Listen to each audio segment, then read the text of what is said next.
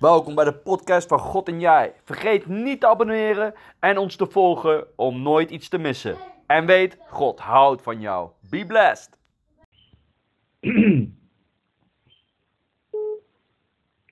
Hey, hallo Edward. Jean-Paul, welkom in de podcast van God en Jij. Je gaat ons meenemen in deel 2 over de eindtijd. Ja, dat klopt Edward. Nou, let's en go. ik heet de luisteraars ook eh, welkom. Dus eh, het vorige deel zei ik wel eens kijkers, maar het zijn natuurlijk luisteraars. Ehm, Edward, ik wil even aangeven dat eh, dit echt een, een studie is. Dus ehm, ik heb met jou afgesproken dat ik dan een beetje de, de leiding neem. En om, eh, we willen eigenlijk ehm, eh, in deel 2 de zaak een beetje opvoeren. Deel 1 is de basis.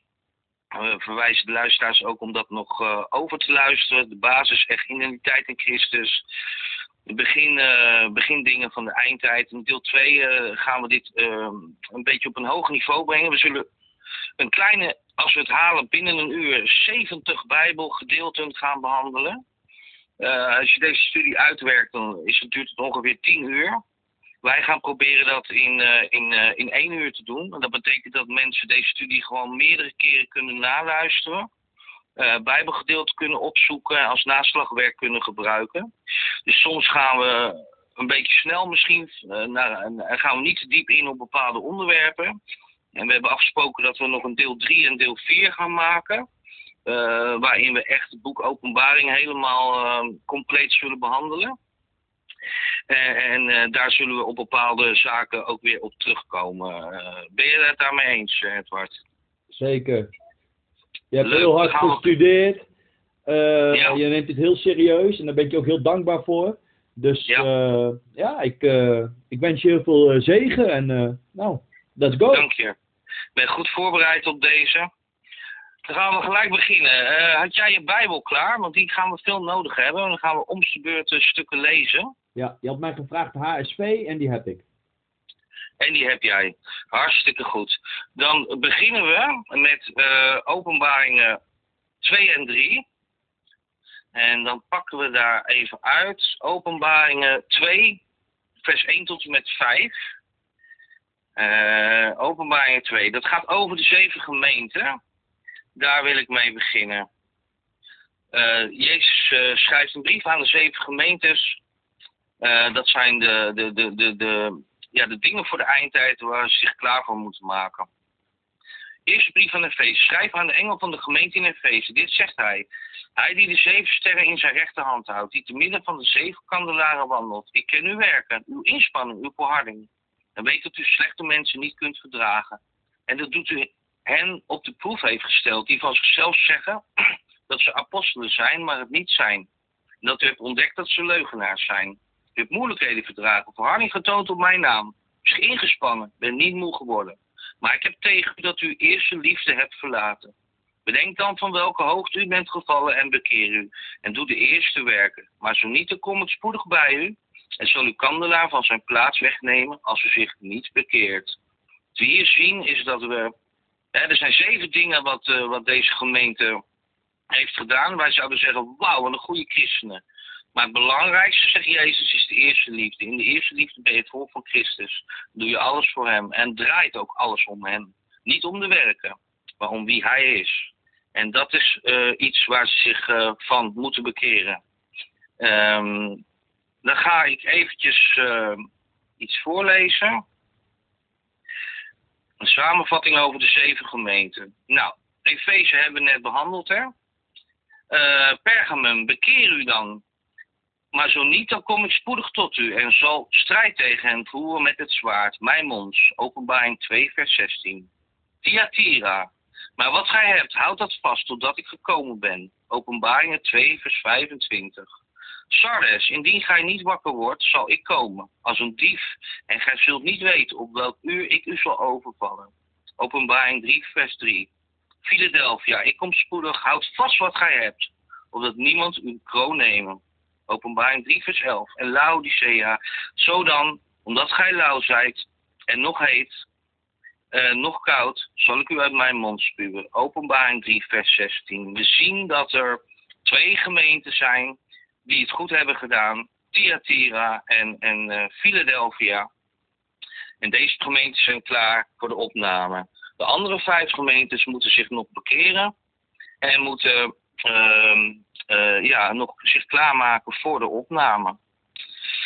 Zou jij dan eh, willen lezen, Edward? Hosea 4, vers 6. Ja.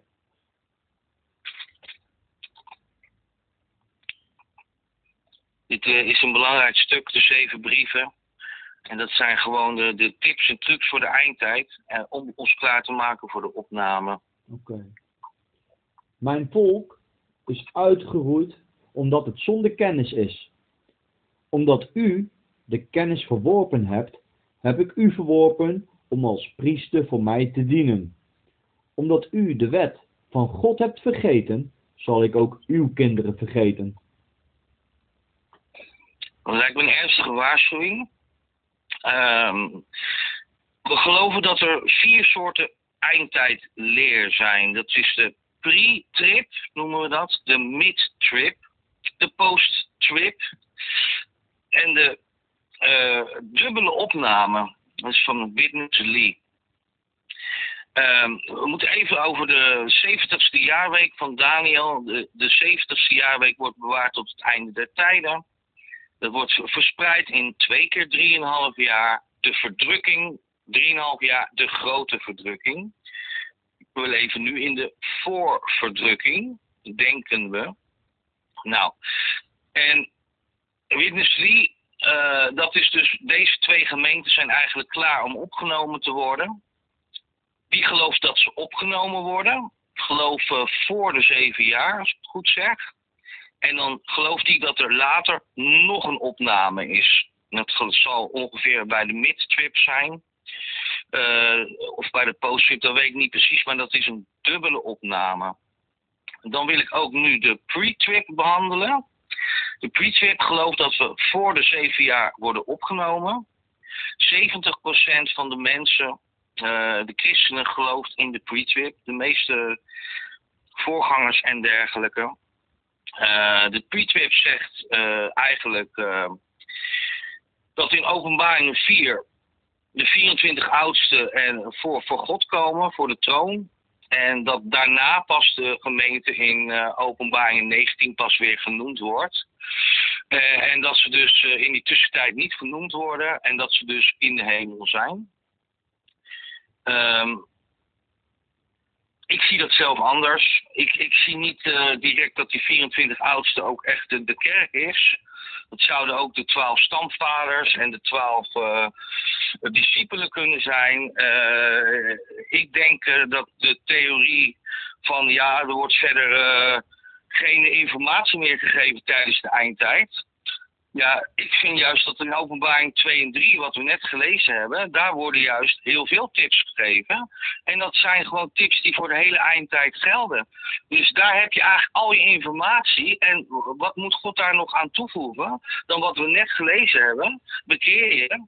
Maar dat is mijn mening. De meesten geloven uh, dat wel. Die verwijzen dan ook naar 2 Thessalonicense 2 over de weerhouder en zeggen dat de weerhouder de Heilige Geest is, of de gemeente, en als die dan wordt weggevoerd, dan wordt de antichrist geopenbaard. Um, ik geloof uh, dat er zelf. Ja, misschien wil jij dat even lezen. 2 Thessalonicense 2. Ja. Vers 1 tot en met 12. 2 Thessalonicense 2, vers 1 tot en met 12, zei je? Ja, ja, zeker. Ja, is goed. En wij vragen u dringend, broeders, met betrekking tot de komst van onze Heere Jezus Christus en onze vereniging met Hem, dat u niet snel aan het wankelen wordt gebracht of verschrikt, niet door een uiting van de geest, niet door een woord en ook niet door een brief die van ons afkomstig zou zijn, alsof de dag van Christus al aangebroken zou zijn. Laat niemand u op enig, enigerlei wijze misleiden, want die dag komt niet, tenzij eerst de afval gekomen is en de mens van de wetteloosheid, de zoon van het verderf, geopenbaard is, de tegenstander, die zich ook verheft boven al wat God genoemd of als God vereerd wordt, zodat hij als God in een tempel van God gaat zitten en zichzelf als God voordoet. Herinnert u zich niet dat ik u deze dingen zei toen ik bij u was?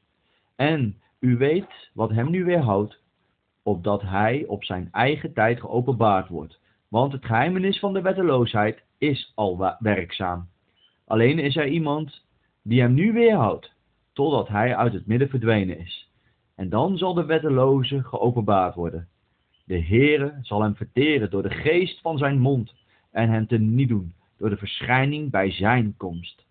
Hem, wiens komst, overeenkomstig de werking van de Satan is, met allerlei kracht, tekenen en wonderen van de leugen, en met allerlei misleiding van de ongerechtigheid, en hen die verloren gaan, omdat zij de liefde voor de waarheid niet aangenomen hebben om zalig te worden. En daarom zal God hun een krachtige dwaling zenden, zodat zij de leugen geloven, opdat zij allen veroordeeld worden die de waarheid niet geloofd hebben, maar behaag hebben gehad in de ongerechtigheid. Maar wij moeten God. Dankjewel. Ja. Ik wil duidelijk aangeven dat het eh, hier niet gaat om eh, wie heeft gelijk. Eh, ik, daarom geven wij ook alle mogelijkheden. En het belangrijkste is dat we respect en liefde voor elkaar hebben. Dus het is ook niet de bedoeling dat we gaan eh, discussiëren en elkaar. eh, hè, dus eh, ik geef dan mijn mening. Maar ik respecteer ook mensen die in de midtrip geloven of in de. Of, oh, sorry, in de, in de pre-trip of in de post-trip. Post-trip zullen we volgende keer behandelen. Dat is een heel moeilijk onderwerp. Dus dat wil ik dan duidelijk even erbij zeggen. Ehm, dat dat heel belangrijk is, dat we daar in liefde en in respect met elkaar mee omgaan. En eh, ja, er zit in elke eh, eh, ehm, eh, opnametheorieën. Er is eigenlijk nog een vijfde hè, van mensen die niet geloven in de opname. Maar daar wil ik eigenlijk geen aandacht aan besteden omdat de Bijbel heel duidelijk, dat hebben we vorige studie ook benoemd, in 1 Corinthië eh 15 en 1 Thessalonicense 4 vers 17, duidelijk aangeeft dat er een opname is. Ja. Eh, er zijn ook mensen die zeggen dat het al geweest is, maar daar gaan we geen aandacht aan geven, want we blijven bij de Bijbel. Amen. En eh, ja, Helemaal mee eens. eh, wat zeg je? Helemaal mee eens. De Bijbel, Ja. niet wat mensen denken. Nee. Logisch het ook soms klinkt. Ja, en eh, ik, ik vind eh, wat duidelijker, wat, wat, wat- ik vind hele goede punten van de pre-trip is waarom zou God zijn, eh, zijn mensen echt eh, die ellende laten meemaken? Eh, vaak merk je bij mensen die in pre-trip geloven dat ze, dat ze eh, ja, dat ze dan voor de zeven jaar, en die zeggen ook, er komt dan ook in de verdrukking een hele zware tijd aan. Dus dat is ook al eigenlijk, en daar ben ik het wel met ze mee eens. Dat zal ook een hele zware tijd zijn. Dus ehm, alleen ik zelf, en daar kom ik later nog even terug, geloof in de midtrip. En ehm, ja, daar zal ik later nog even op terugkomen. Ehm, er zijn drie soorten weerhouders, denk ik zelf. In het Grieks staat weer, er weerhouden. Staat niet weerhouder, staat weerhouden. En dan zou ik jou weer even willen vragen. Nou, er moet veel gelezen worden. Om Daniel 7, Ja. vers 20 tot 25 te willen lezen. Daniel 7, vers 20 tot en met 25, hè? Ja, ja. Oké. En van de tien horens die op zijn kop zaten, en van die anderen die oprees, en waarvoor er drie afgevallen waren, namelijk die horen, die ogen had en een mond vol grootspraak, en waarvan de verschijning groter was dan die van zijn metgezellen. Ik had namelijk toegekeken en gezien dat die hoorn oorlog voerde tegen de heiligen en dat hij hen overwon. Totdat de oude van dagen kwam, de heilige, van de Allerhoogste recht verschaft werd en het tijdstip was bereikt dat de heiligen het koningschap in bezit namen. Hij zei het volgende. Het vierde dier zal het vierde koninkrijk op aarde zijn dat verschillen zal van al de andere koninkrijken. Het zal heel de aarde verslinden, het zal haar vertrappen en haar verbrijzelen. En de tien hoorns duiden aan dat uit dat, koninkrijk tien koningen zullen opstaan. En na hen zal een andere opstaan. Die zal verschillen van die er eerder geweest waren. Drie koningen zal hij vernederen. Woorden tegen de Allerhoogste zal hij spreken. De heilige van de Allerhoogste zal hij ter gronde richten. Hij zal erop uit zijn bepaalde tijden en de wet te veranderen. En zij zullen in zijn hand worden overgegeven voor een tijd, tijden en een halve tijd. Juist. En daar zien we al, hè. Dat is de tweede, dat ga ik zo benoemen. Dat is de tijd en de wetten. En dan gaan we naar openbaringen 12, vers 7 tot en met 12. Ja. Jij mag veel lezen. Ik hoop Ja. dat je... Vers 7 tot 12? Openbaring 12, vers 7 tot en met 12. Ja. Oké. Toen brak er oorlog uit in de hemel. Michael en zijn engelen voerden oorlog tegen de draak. Ook de draak en zijn engelen voerden oorlog. Maar zij waren niet sterk genoeg en hun plaats werd in de hemel niet meer gevonden. En de grote draak werd neergeworpen, namelijk de oude slang, die duivel en Satan genoemd wordt, die de hele wereld misleidt. Hij werd neergeworpen op de aarde en zijn engelen werden met hem neergeworpen. En ik hoorde een luide stem in de hemel zeggen: Nu is gekomen de zaligheid, de kracht en het koninkrijk van onze God en de macht van zijn Christus. Want de aanklager van onze broeders, die hen dag en nacht aanklaagden voor onze God, is neergeworpen. En zij hebben hem overwonnen door het bloed van het lam en door het woord van hun getuigenis. En zij hebben hun leven niet lief gehad tot in de dood. Daarom, verblijft u hemelen en u die daarin woont.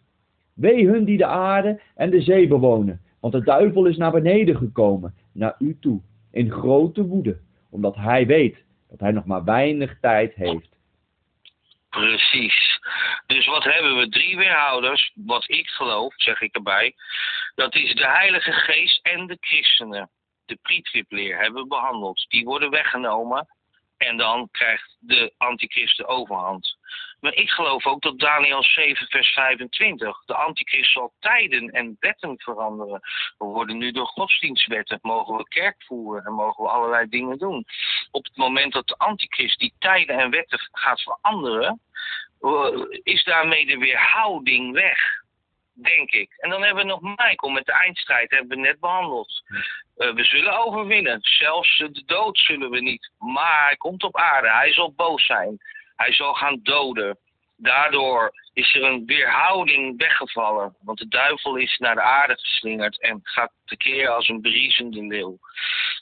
Tot dusver eh, deze drie zaken. Ehm, dan gaan we naar Joel 2, vers 31.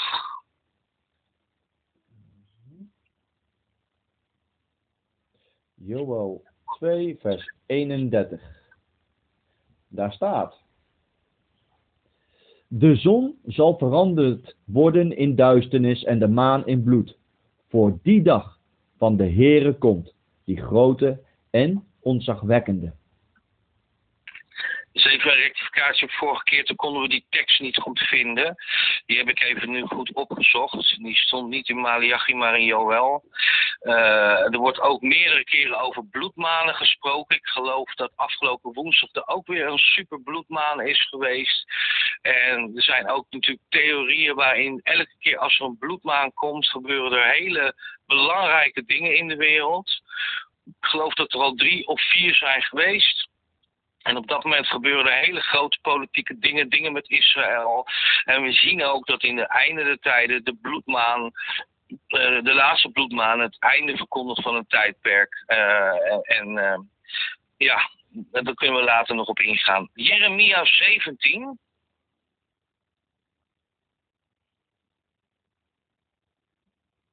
Jeremia 17 helemaal? Nee, van 5 tot 10. Van 5 tot 10. Jeremia 17, Ja. vers 5 tot en met 10. Is goed. Zo zegt de Heere, vervloekt is de man die vertrouwt op een mens en die een schepsel tot zijn arm stelt, terwijl zijn hart van de Heere afwijkt. Hij zal, zijn als een kale struik in de vlakte, die het niet ziet wanneer het goede komt. Hij verblijft op de droogste plekken in de woestijn, in zilt en onbewoond land. Gezegend is de man die op de Heere vertrouwt, wiens vertrouwen de Heere is. Hij zal zijn als een boom die bij water geplant is en die zijn wortels laat uitlopen bij een waterloop. Hij merkt het niet als er hitte komt, zijn blad blijft groen. Eén jaar, Amen. Amen. Tot dusver. Ja. 2 Timotheus 3, ja, vers 1 tot en met 7. 2 Timotheus 3, Ja. vers 1 tot en met 7. En weet dit, dat in de laatste dagen zware tijden zullen aanbreken.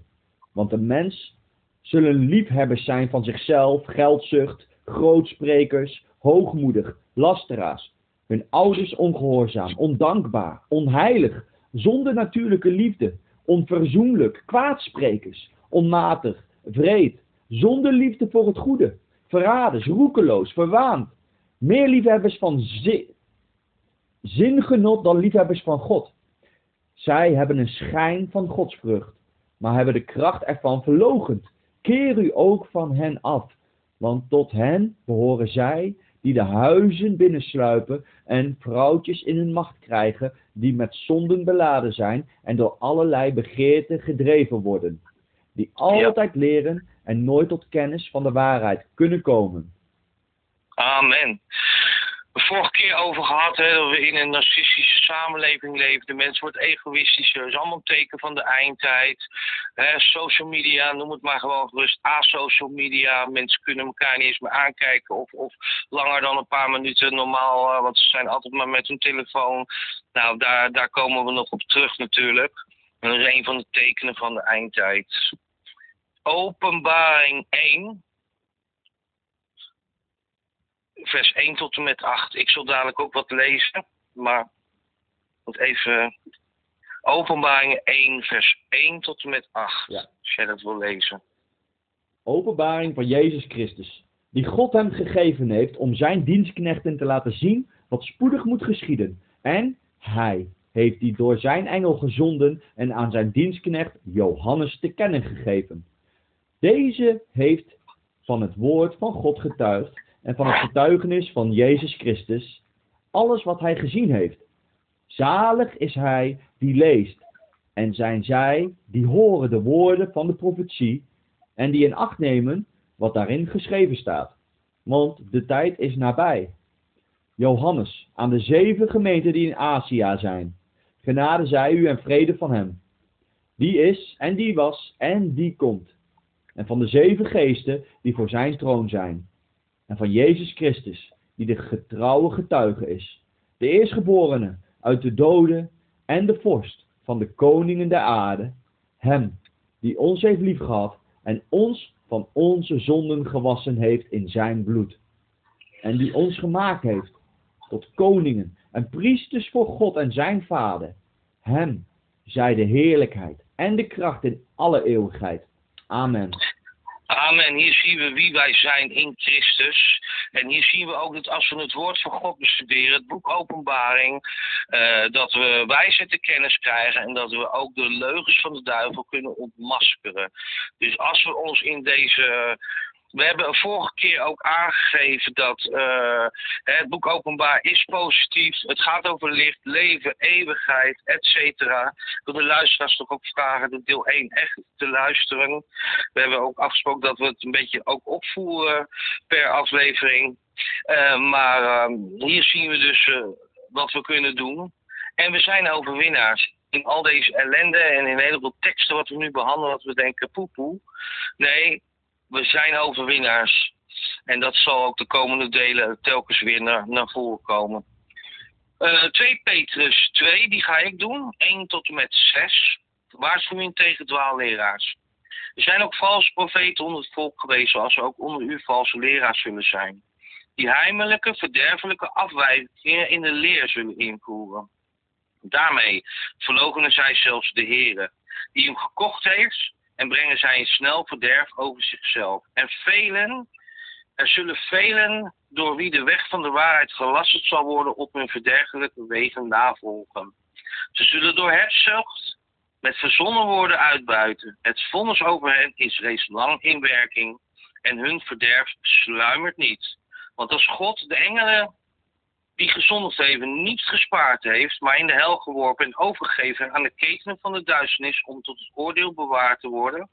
En als God de oude wereld niet gespaard heeft, maar het achttal van Noach, de prediker van gerechtigheid, bewaard heeft toen hij de zonsvloed over de wereld van de goddelozen bracht. En als God de steden Sodom en Gomorra tot as verbrand en tot vernietiging veroordeeld heeft en tot voorbeeld gesteld heeft voor hen die goddeloos zouden leven. Eh, en, en hierin staat dus eigenlijk van, als wij valse leer brengen, als wij op geldzucht uit zijn, dan hebben wij gewoon een probleem. Dus uh, beste mensen, uh, blijf op de waarheid, blijf op de rechte weg. Even kijken, dan hebben we 2 Timotheus 4. Kun jij die lezen? Ja. Vers 1 tot en met 4. 2 Timotheus 4, vers 1 tot en met 4. Ik bezweer u, ten overstaan van God en de Heere Jezus Christus, die levenden en doden zal oordelen, bij zijn verschijning en in zijn koninkrijk. Predik het woord, volhard daarin, gelegen of ongelegen. Weerleg, bestraf, vermaan, en dat met alle geduld en onderricht. Want er zal een tijd komen dat zij de gezonde leer niet zullen verdragen, maar dat zij zullen zoeken wat het gehoor streelt en voor zichzelf leraars zullen verzamelen, overeenkomstig hun eigen begeerten. Ze zullen hun gehoor van de waarheid afkeren en zich keren tot verzinsels. Afval, valse leer, valse profeten. Uh, het is allemaal een teken van de eindtijd. Ja. En het past allemaal uh, hierin. Judas 1, zou jij die ook nog wil doen? Ja, en misschien iets een beetje toevoegen wat ik ook me soms wel zorgen om maak, Jean-Paul. Ja, je dat eh, ja. oké okay vindt. Ja, ja. Eh, dat eh, bepaalde kerken eh, tegen de Bijbel ingaan, zich kerk noemen en een zonde goed spreken. Hoewel de Bijbel duidelijk is dat bepaalde dingen toch zondig zijn. Is allemaal een teken van de eind. We noemen dat ook wel de grote afval eigenlijk. Eh, Dat begint natuurlijk eh, in het huis van God. Het oordeel eh, begint allemaal in het huis van God. Want de Bijbel zegt ook, wie de waarheid horen te kennen en, en, en leugens prediken, ja, dan ben je eigenlijk nog erger dan mensen die de waarheid nog niet kennen. Dus dat zijn allemaal dingen waar we mee te maken hebben. Het is een strijd om leugen en waarheid. En daarom moeten we eigenlijk alleen maar waarheid spreken. Ja. En, en, en bidden voor de wereld, bidden voor kerken, blijven bidden. Ja. En, eh, en zelf de juiste weg bewandelen, denk ik. Ja, denk ik ook zeker. Dan gaan we naar Judas 1. Goed punt. Dan gaan we naar Judas 1. Ja. Jij die nog een keer wil doen? Ja, die heb ik. Judas Heb je 1. die? Oh, hoofdstuk Vers- 1. Ja, Judas 1, vers 4 tot en met 7. ja. Want er zijn sommige mensen binnengeslopen die tot dit oordeel al lang tevoren opgeschreven zijn. Goddelozen, die de genade van onze God veranderen in losbandigheid. En die de enige heersen, God en onze Heer Jezus Christus verloochenen. Maar ik wil u eraan herinneren, u weet dit eens en voorgoed, dat de Heere, nadat hij het volk uit het land Egypte verlost had, vervolgens hen die niet geloofden, te gronde heeft gericht. En de engelen die hun oorspronkelijke staat niet hebben bewaard, maar hun eigen woonplaats verlaten hebben, heeft hij voor het oordeel van de grote dag met eeuwige boeien in de duisternis in verzekerde bewaring gesteld. Evenzo is het met Sodom en Gomorra en de steden eromheen, die op dezelfde wijze als zij hoererij bedreven hebben en ander vlees achterna zijn gegaan. Zij liggen daar als een waarschuwend voorbeeld, doordat zij de straf van het eeuwige vuur ondergaan. Amen. God is liefde, God is genade, God is eh, absoluut. Maar God is ook rechtvaardig en moet ook de zonde straffen. En we zien in 1, eh, Johannes 3, vers 16 dat God de mensen liefde heeft en, en de Jezus is gestorven. Maar in Johannes 17 staat ook, wie niet voor hem kiest, vloek is op hem. Dus soms willen we van God uh, een alomtegenwoordige liefde maken, die alles maar accepteert en die alles maar. Maar we moeten ons bekeren van zonde, anders zijn we onder het oordeel van de duivel. Ja. Dus dan laat dat heel duidelijk zijn dat dat uh, een zeer belangrijk onderdeel in de Bijbelse leer is. Openbaringen 8. Nou, die is best pittig, jongens. We gaan er even hard doorheen, maar is ook wel belangrijk. En we kunnen dit later ook verder uitwerken. Openbaring 8, vers 6 tot en met 13. De zeven engelen met de zeven bazuinen gingen zich gereed maken op de bazuin te blazen. Eerste engel blies op de bazuin, kwam hagelvuur, vermengd met bloed, werd op de aarde geworpen. Derde deel van de bomen verbrandde, al het groene gras verbrandde. De tweede engel blies op de bazuin en werd iets als een grote berg die van vuur brandde in de zee geworpen. Derde deel van de zee werd bloed. En het derde deel van de schepselen in de zee die leven hadden stierven. En het derde deel van de schep, schepen verging. En toen de derde engel op de bazuin blies, viel een grote ster uit de hemel die brandde als een fakkel. Hij viel op het derde deel van de rivieren en op de waterbronnen. En de naam van de ster was Alsem en het derde deel van de water veranderde in Alsem. Vele mensen stierven van het water omdat het bitter was geworden. De vierde engel blies op de bazuin, derde deel van de zon werd getroffen, derde deel van de maan, derde deel van de sterren, zodat het derde deel daarvan verduisterd werd. En zo dat de dag voor een derde deel niet licht werd en de nacht evenmin.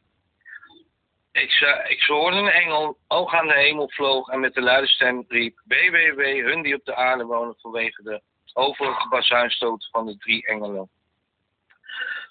Ze denken dat dit planeet Wormwood is. Een planeet die kan je ook bij de, bij de NASA vinden, die, um, waarvan ze denken dat die naar de aarde kan komen in 2029.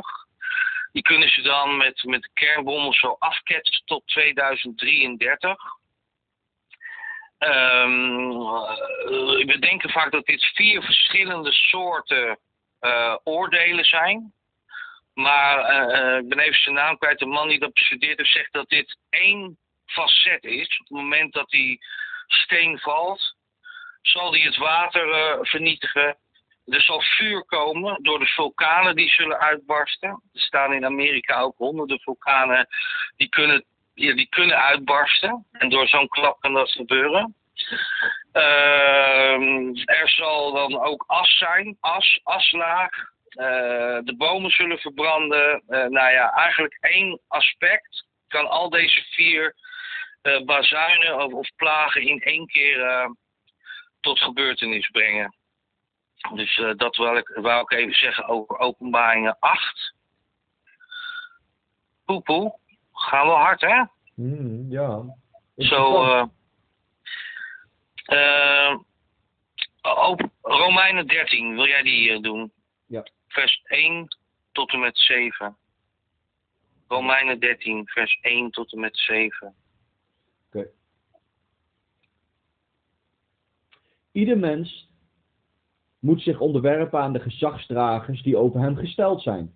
Want er is geen gezag dan van God. En de gezagdragers die er zijn, zijn door God ingesteld.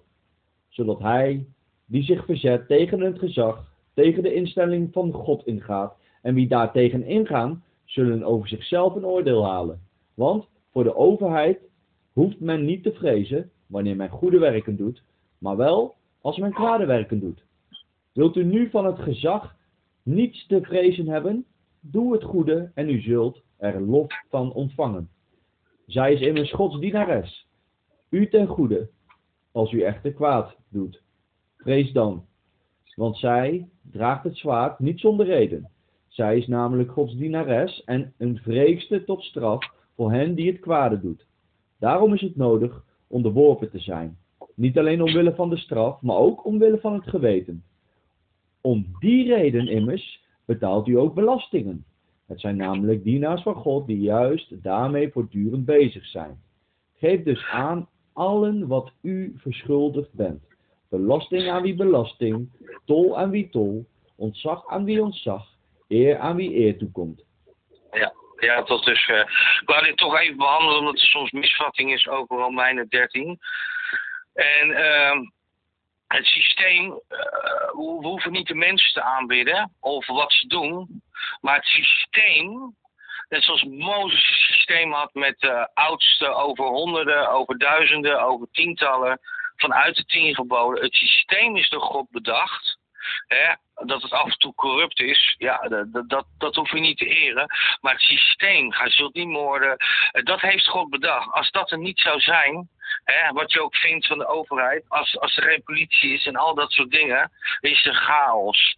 Dus uh, daar zijn wij als christenen moeten wij daar naar luisteren, tien geboden, ga je niet moorden, dat er bepaalde dingen op het gebied van je lichaam, hè? Dat, dat is aan de mens en aan God zelf. De overheid kan niet ook je lichaam bepalen. En, en, en dat is aan God. Gods lichaam is van God. En er zijn natuurlijk ook dingen die, als de overheid dingen zegt die tegen de Bijbel ingaan, dan hoeven we dat ook niet te doen. We eren eigenlijk Gods koninkrijk, Gods structuur. En dat is daar, zo zie ik Romeinen 13 eigenlijk. Dus dat wou ik even kort aangeven. Um, even kijken joh. Dan doe ik even een stukje nog uit Openbaringen 3. Vers 15 tot 22. He, daar zegt uh, Jezus weer, ik ken u werken, u bent niet koud, u heet. Maar u bent lauw. Ik zal u uit mijn mond spugen. Want u zegt, ik ben rijk steeds rijker geworden. Heb aan niets gebrek. Maar u weet niet dat dat juist u ellendig en beklagenswaardig arm, blind en naakt maakt. Ik raak u aan, aan goud van mij gelouterd door het vuur te kopen, opdat u rijk wordt en witte kleren, opdat u bekleed bent en de schande van uw naaktheid niet openbaar wordt. En zal voor ogen met ogen zal, zodat u kunt zien. Ieder die ik lief wijs ik terecht. Laten we dus niet meegaan met de wereld, met de zonde van de wereld, geldzucht, de wortel van alle kwaad. Maar laten we het eeuwig leven en dat wat Jezus heeft aannemen. En dat wordt hier dus ook weer duidelijk aangehaald. Vaak waarom, waarom uh, is in Afrika opwekking hè, en zitten de kerken vol? omdat de mensen ook God nodig hebben voor hun levensbestaan. En wij hebben het hier gewoon te goed. Wij hebben God niet nodig. Wij hebben het allemaal voor elkaar. En waar hebben we God voor nodig? Weet je, maar uh, als we gaan beseffen dat het eeuwige leven er is. En dat, het tot, dat de aarde maar tijdelijk is. En dat we God eigenlijk voor alles nodig hebben. En dat, uh, dat rijkdom maar een middel is. Ook uh, om anderen mee te zegenen. Dan staan we daar heel anders in. Ja. Ben je het daarmee eens? Ja, zeker. Dat is belangrijk. Openbaring 16, vers 12 mag jij lezen. Ja.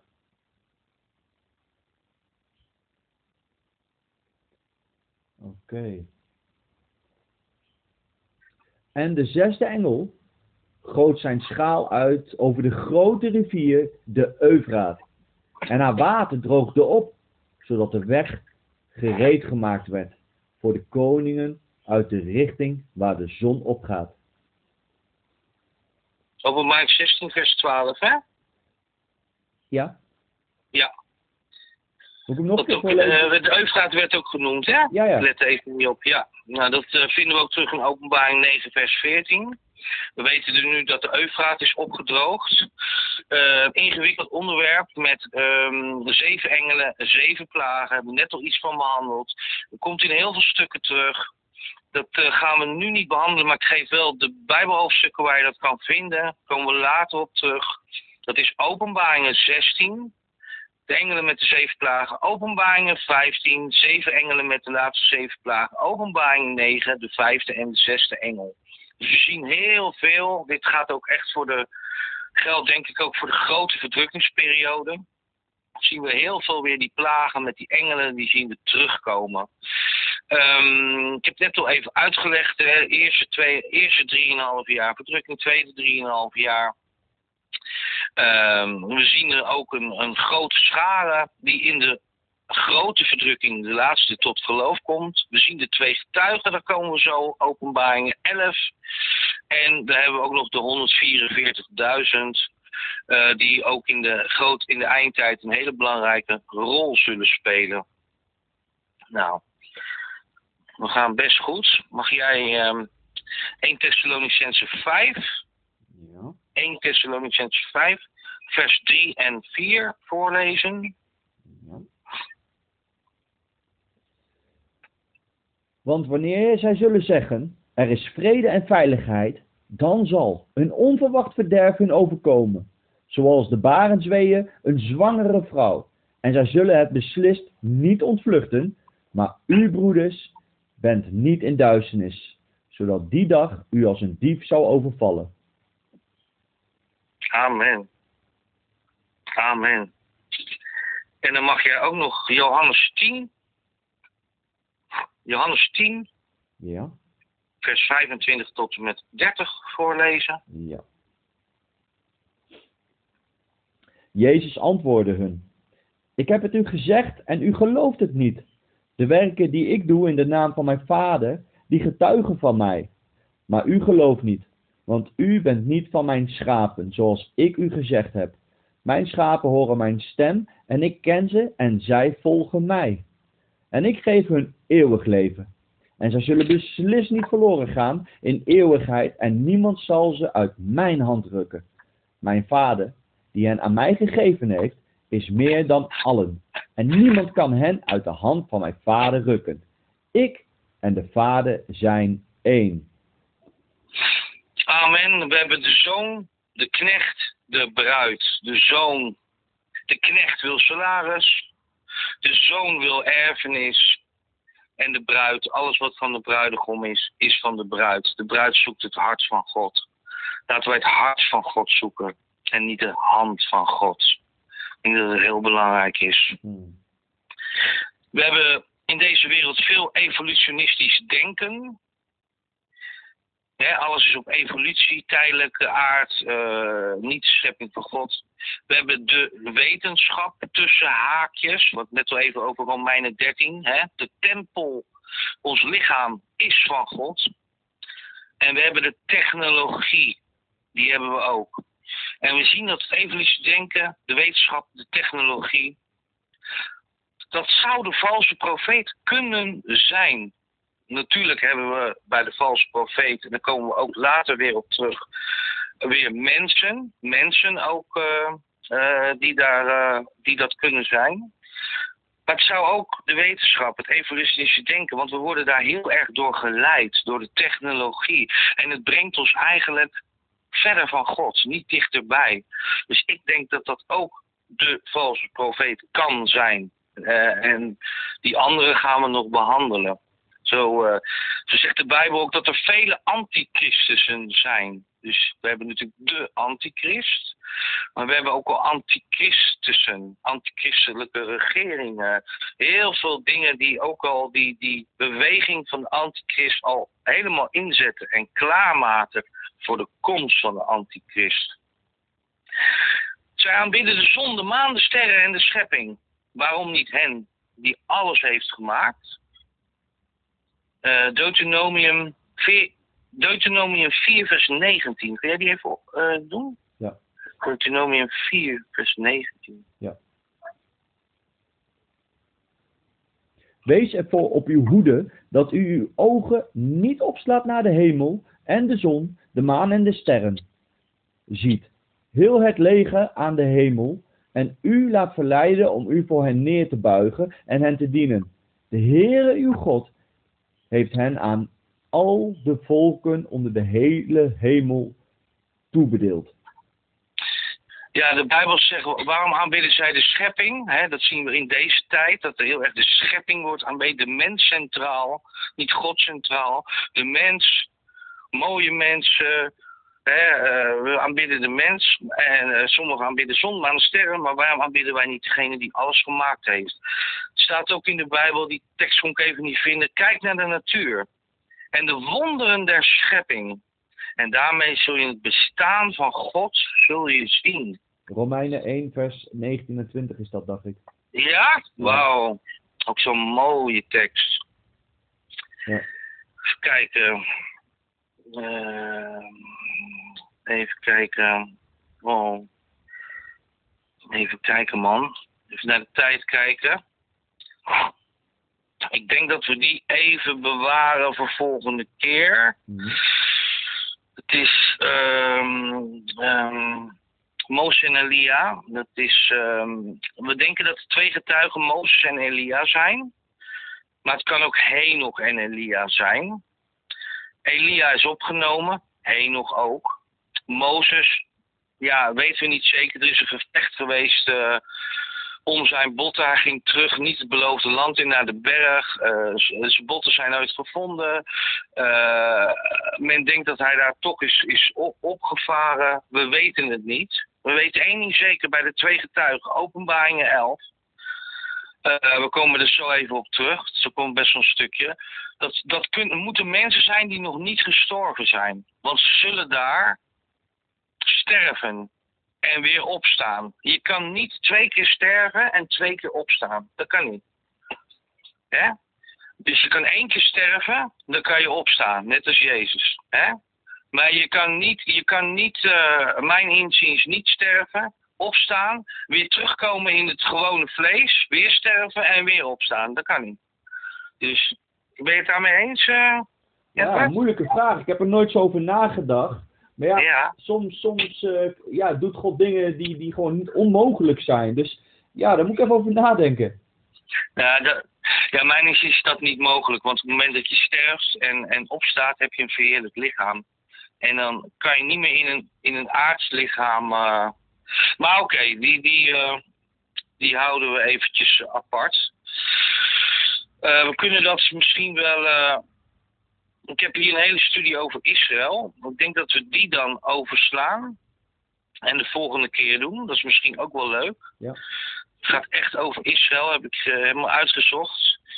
Um, uh, is ook heel interessant. Stukje geschiedenis, stukje toekomst. Uh, ik denk dat te willen van de tijd dat we dan. de derde tempel heb ik daarin behandeld.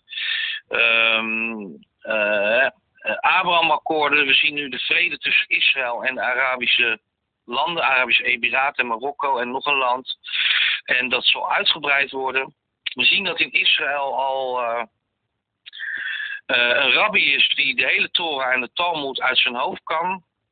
Als mensen hem aanraken of hij bidt voor wonderen, gebeuren er wonderen. Hij heeft hele scharen achter zich aan. Ik ben, het is een hele moeilijke naam heeft hij. En men ziet hem al als de Messias. Vele rabbis volgen zijn uh, teachings. Oh, dan ben ik wel nieuwsgierig naar wie dat is. Dat hoor ik nu voor het eerst. Ja, dan heb ik uitgezongen. Het is uh, een hele moeilijke naam. Kan ik je wel even doorsturen. De koeien, die voor het offer van de derde tempel, de red havers noemen ze die. Die mogen geen enkel haartje hebben wat verkeerd is. Die zijn nu vanuit Texas, Texas waar ze gekweekt zijn na jaren, want er zijn er maar heel weinig zijn goedgekeurd. Ze zijn nu richting Israël gegaan. Uh, er wordt gesproken over een derde tempel. En uh, even kijken, die bijbeltekst die krijgen we zo, waarin, uh, ja dat staat in openbaringen 11, sorry. Uh, waarin, dat mag jij zo lezen, mm -hmm. waarin de derde tempel gaat komen. Ehm, deze punten zijn ook tekenen van de eindtijd. De Bijbel zegt ook als er een valse vrede komt, begint de eindtijd. De antichrist zal zich in de eerste drieënhalf jaar voordoen als een messias. Hij zal uh, hè, misschien hongersnood oplossen, misschien een derde wereldoorlog voorkomen. Hij zal zich in de eerste drieënhalf jaar voordoen als een verlosser. Dan zal hij een pact sluiten met de Joden. Die zullen in de derde tempel God weer mogen aanbidden. En na drieënhalf jaar zal hij het pact verbreken. Zal hij zich ontpoppen als de antichrist. Openbaren als de antichrist. En dan begint de grote verdrukking.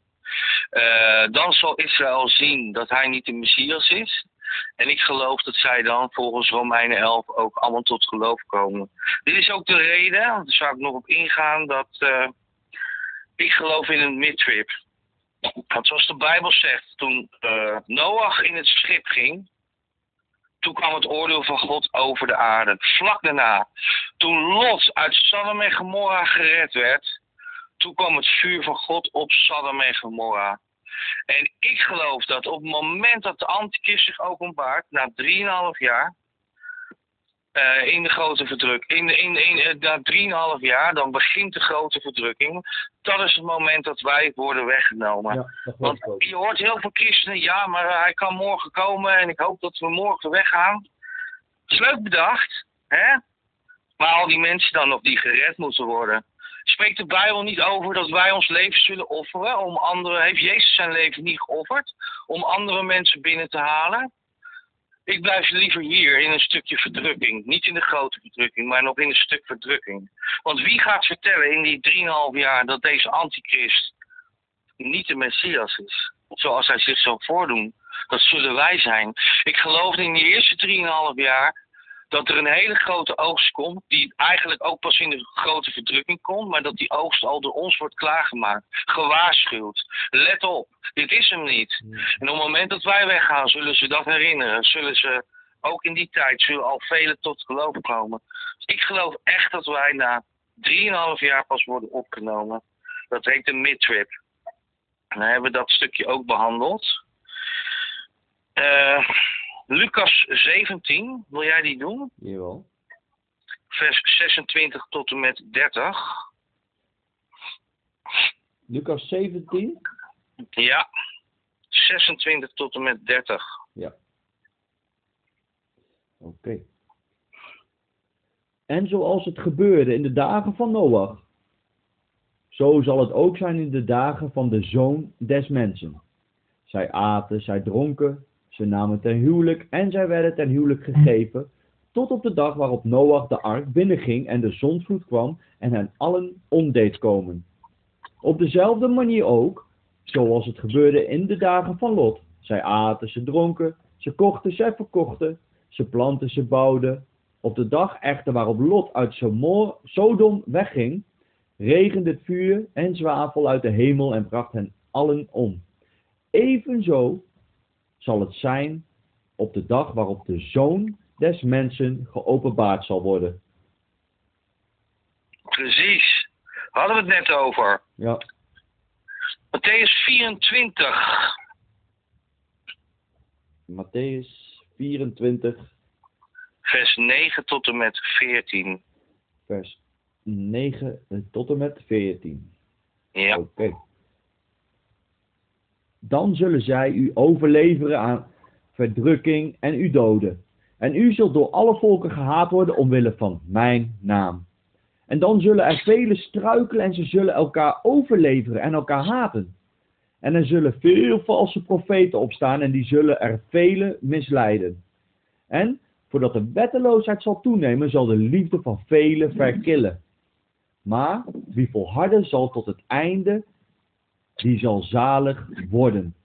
En dit evangelie van het koninkrijk zal in heel de wereld gepredikt worden, tot een getuigenis voor alle volken. En dan zal het einde komen. Genesis 6. Ja. Vers 11 en 12. We doen nog een aantal teksten, we gaan binnen 10 minuten afronden. Ja. Maar de aarde was verdorven voor Gods aangezicht en de aarde was vol met geweld. Toen zag God de aarde en zie, zij was verdorven, want alle vlees had een verdorven levenswandel op de aarde. Precies. Het zal zijn als in de dagen van, van toen, hè? Ja, ja, ja. heel bekend komt het wel, uh, ja. Ja, even kijken, dan lees ik deze voor. Dat is... Uh...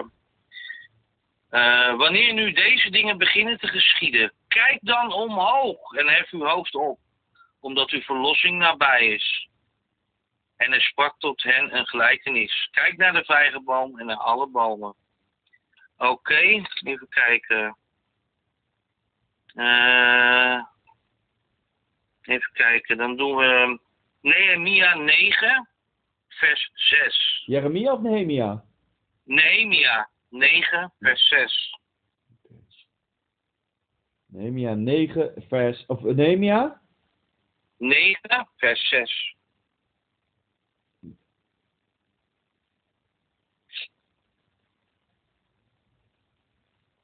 Oh ja, Nehemia 9, vers 6. U bent de Heere, u alleen. U hebt de hemel gemaakt, de allerhoogste hemel. En heel het leger erin, de aarde en al wat daarop is, de zeeën en al wat daarin is. En u doet dat alles leven. En de menigte aan de hemel buigt zich voor u neer. Amen. Ga ik naar Matthäus dat doe ik even 25, vers 1 tot en met 13. De vijf wijze en de dwaze meisjes. Dan zal het koninkrijk der hemelen gelijk zijn aan tien meisjes die hun lampen namen en op weg gingen. De bruidegom tegemoet. Vijf van hen waren wijs, vijf van hen waren dwaas. Zij die dwaas waren namen wel een lampen, maar geen olie met zich mee. De wijzen namen met hun lampen ook olie mee in hun kruikjes. Toen de bruidegom uitbleef, werden zij allen slapen, vielen in diepe slaap. Te middernacht klonk een geroep. De bruidegom kwam naar buiten en tegemoet. En zie, de bruidegom komt. Ga naar buiten, kom hem tegemoet. Toen zeiden, stonden de meisjes op en maakten hun lampen in orde. De dwazen zeiden tegen de wijze, geef ons van de olie, want onze lampen gaan uit. Maar de wijze antwoordden, in geen geval. Er is misschien niet genoeg voor ons. Ga liever naar de verkopers en koop voor uzelf. Toen zij weggingen om olie te kopen, kwam, kwam de bruidegom. En zij die gereed waren, gingen met hem mee naar binnen. Naar de bruiloft en de deur werd gesloten. Later kwamen ook de andere meisjes en die zeiden, doe ons open. En hij zei, ik ken u niet. Wees dan waakzaam, want u weet niet de dag en het moment dat de Heere komt. Dat betekent dat we ons klaar moeten maken en dat we olie, de Heilige Geest en het woord van God, de waarheid in ons moeten hebben. En dat er ook een tijd komt die moeilijker zal worden. Dus dat het moeilijker wordt om tot het geloof te komen. En daardoor kwamen zij ook te laat aan eigenlijk. Ehm, de, de beslommeringen van de wereld zorgden ervoor dat ze eigenlijk niet op tijd waren. En wat dit betekent, uh, we denken niet dat deze mensen verloren gaan, maar daardoor door de verdrukking en de grote verdrukking heen moeten. Dat is eigenlijk, uh, als je niet met de opname meegaat, ja, dan ga je door de verdrukking heen. Hmm. En dan zegt uh, Matthäus 13, vers 14 tot 17. En in hen wordt de profetie van Jezaja vervuld, die zegt: Met het gehoor zult u horen, maar beslist niet begrijpen. En ziende zult u zien, maar beslist niet opmerken. Want het hart van het volk is vet geworden. Ze hebben met de oren slecht gehoord, met de ogen hebben zij dicht gedaan, omdat zij niet op enig moment met de ogen zouden zien en met de oren zouden horen. En, en met hun hart begrijpen, opdat ze zich zouden bekeren en ik hen zou genezen. Met uw ogen zijn zalig omdat zij zien en uw oren omdat zij horen. Want voorwaar zeg u dat veel profetieën en rechtvaardigers verlangd hebben wat u ziet. Zij hebben het niet gezien en niet gehoord. Dus we zien hier weer, net als in de brieven van openbaring, dat dat, dat uh, elke keer naar buiten komt. Hè? Dat we goed moeten luisteren, dat we onze ogen moeten wassen. En dat wil eigenlijk zeggen dat we in de geestelijke wereld met God moeten zijn. Dan kunnen we de aardse verleidingen inzien en weerstaan. Nou, dan gaan we nu, uh, we zijn bijna klaar. We zien ook uh, dat Iran, Turkije, Rusland uh, tot elkaar komt nu, ook in deze oorlog. En we hebben al eerder gezegd, Ezekiel 38 en 39 kun je lezen. Dat gaat over Gog en Magog. En ehm, ja, die trekken uiteindelijk op tegen Israël. Dat is een punt wat we later weer zullen behandelen. de antichrist die wil het liefst één geloof, één munt, uh, digitaal en waaruit de chip, denken wij, voortkomt, één wereldregering en één wereldleger. En daarmee zal hij uh, proberen de wereld in zijn macht te krijgen. We gaan er verder, volgende keer uh, gaan we in op de antichrist. Daar komen we nu even niet aan toe. Ook uh, Romeinen 11 zullen we nog een stuk behandelen over de positie van het volk Israël en de positie van de christenen in de eindtijd. En ook Openbaringen 11 zullen we behandelen, de twee getuigen. Dus dit zullen we volgende keer behandelen, de antichrist, een stukje Israël nog en ehm, de twee getuigen, Openbaringen 11. Anders wordt deze studie toch echt te lang. En we zijn nu al echt wel vrij hard al gegaan, merk ik. Het is alleen zoveel informatie dat als je. Je moet ook een compleet plaatje neerleggen.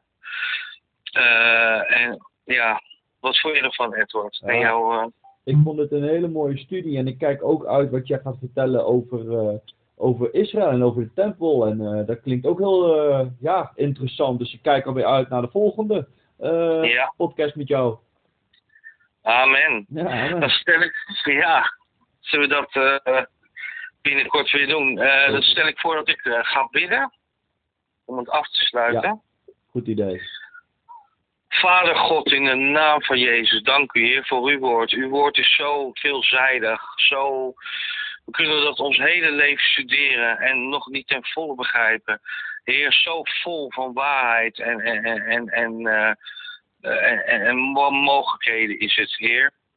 We bidden u voor de luisteraars dat ze dichter door deze studie bij u zullen komen. Dat ze meer eh, eh, kennis van u willen opdoen. Want kennis is openbaring over wie u bent. We bidden ook dat de christenen willen gaan getuigen aan een wereld die verloren gaat. Er zijn zoveel mensen die Jezus moeten leren kennen. Heer, en eh, als wij ons licht zullen laten schijnen, dan eh, zullen de mensen eh, naar Jezus toe kunnen komen. Dan zullen de mensen Jezus kunnen leren kennen. En dat is uw hart en ons hart. Wij bidden voor de wereld, dat ze u zullen leren kennen. En voor de christenen. En vader, dat we meer en meer van u zullen leren. En meer openbaring en uw aanwezigheid zullen ervaren. We bidden u voor uw woord en uw geest in ons leven, in deze tijden. U zult ons leiden als een lamp.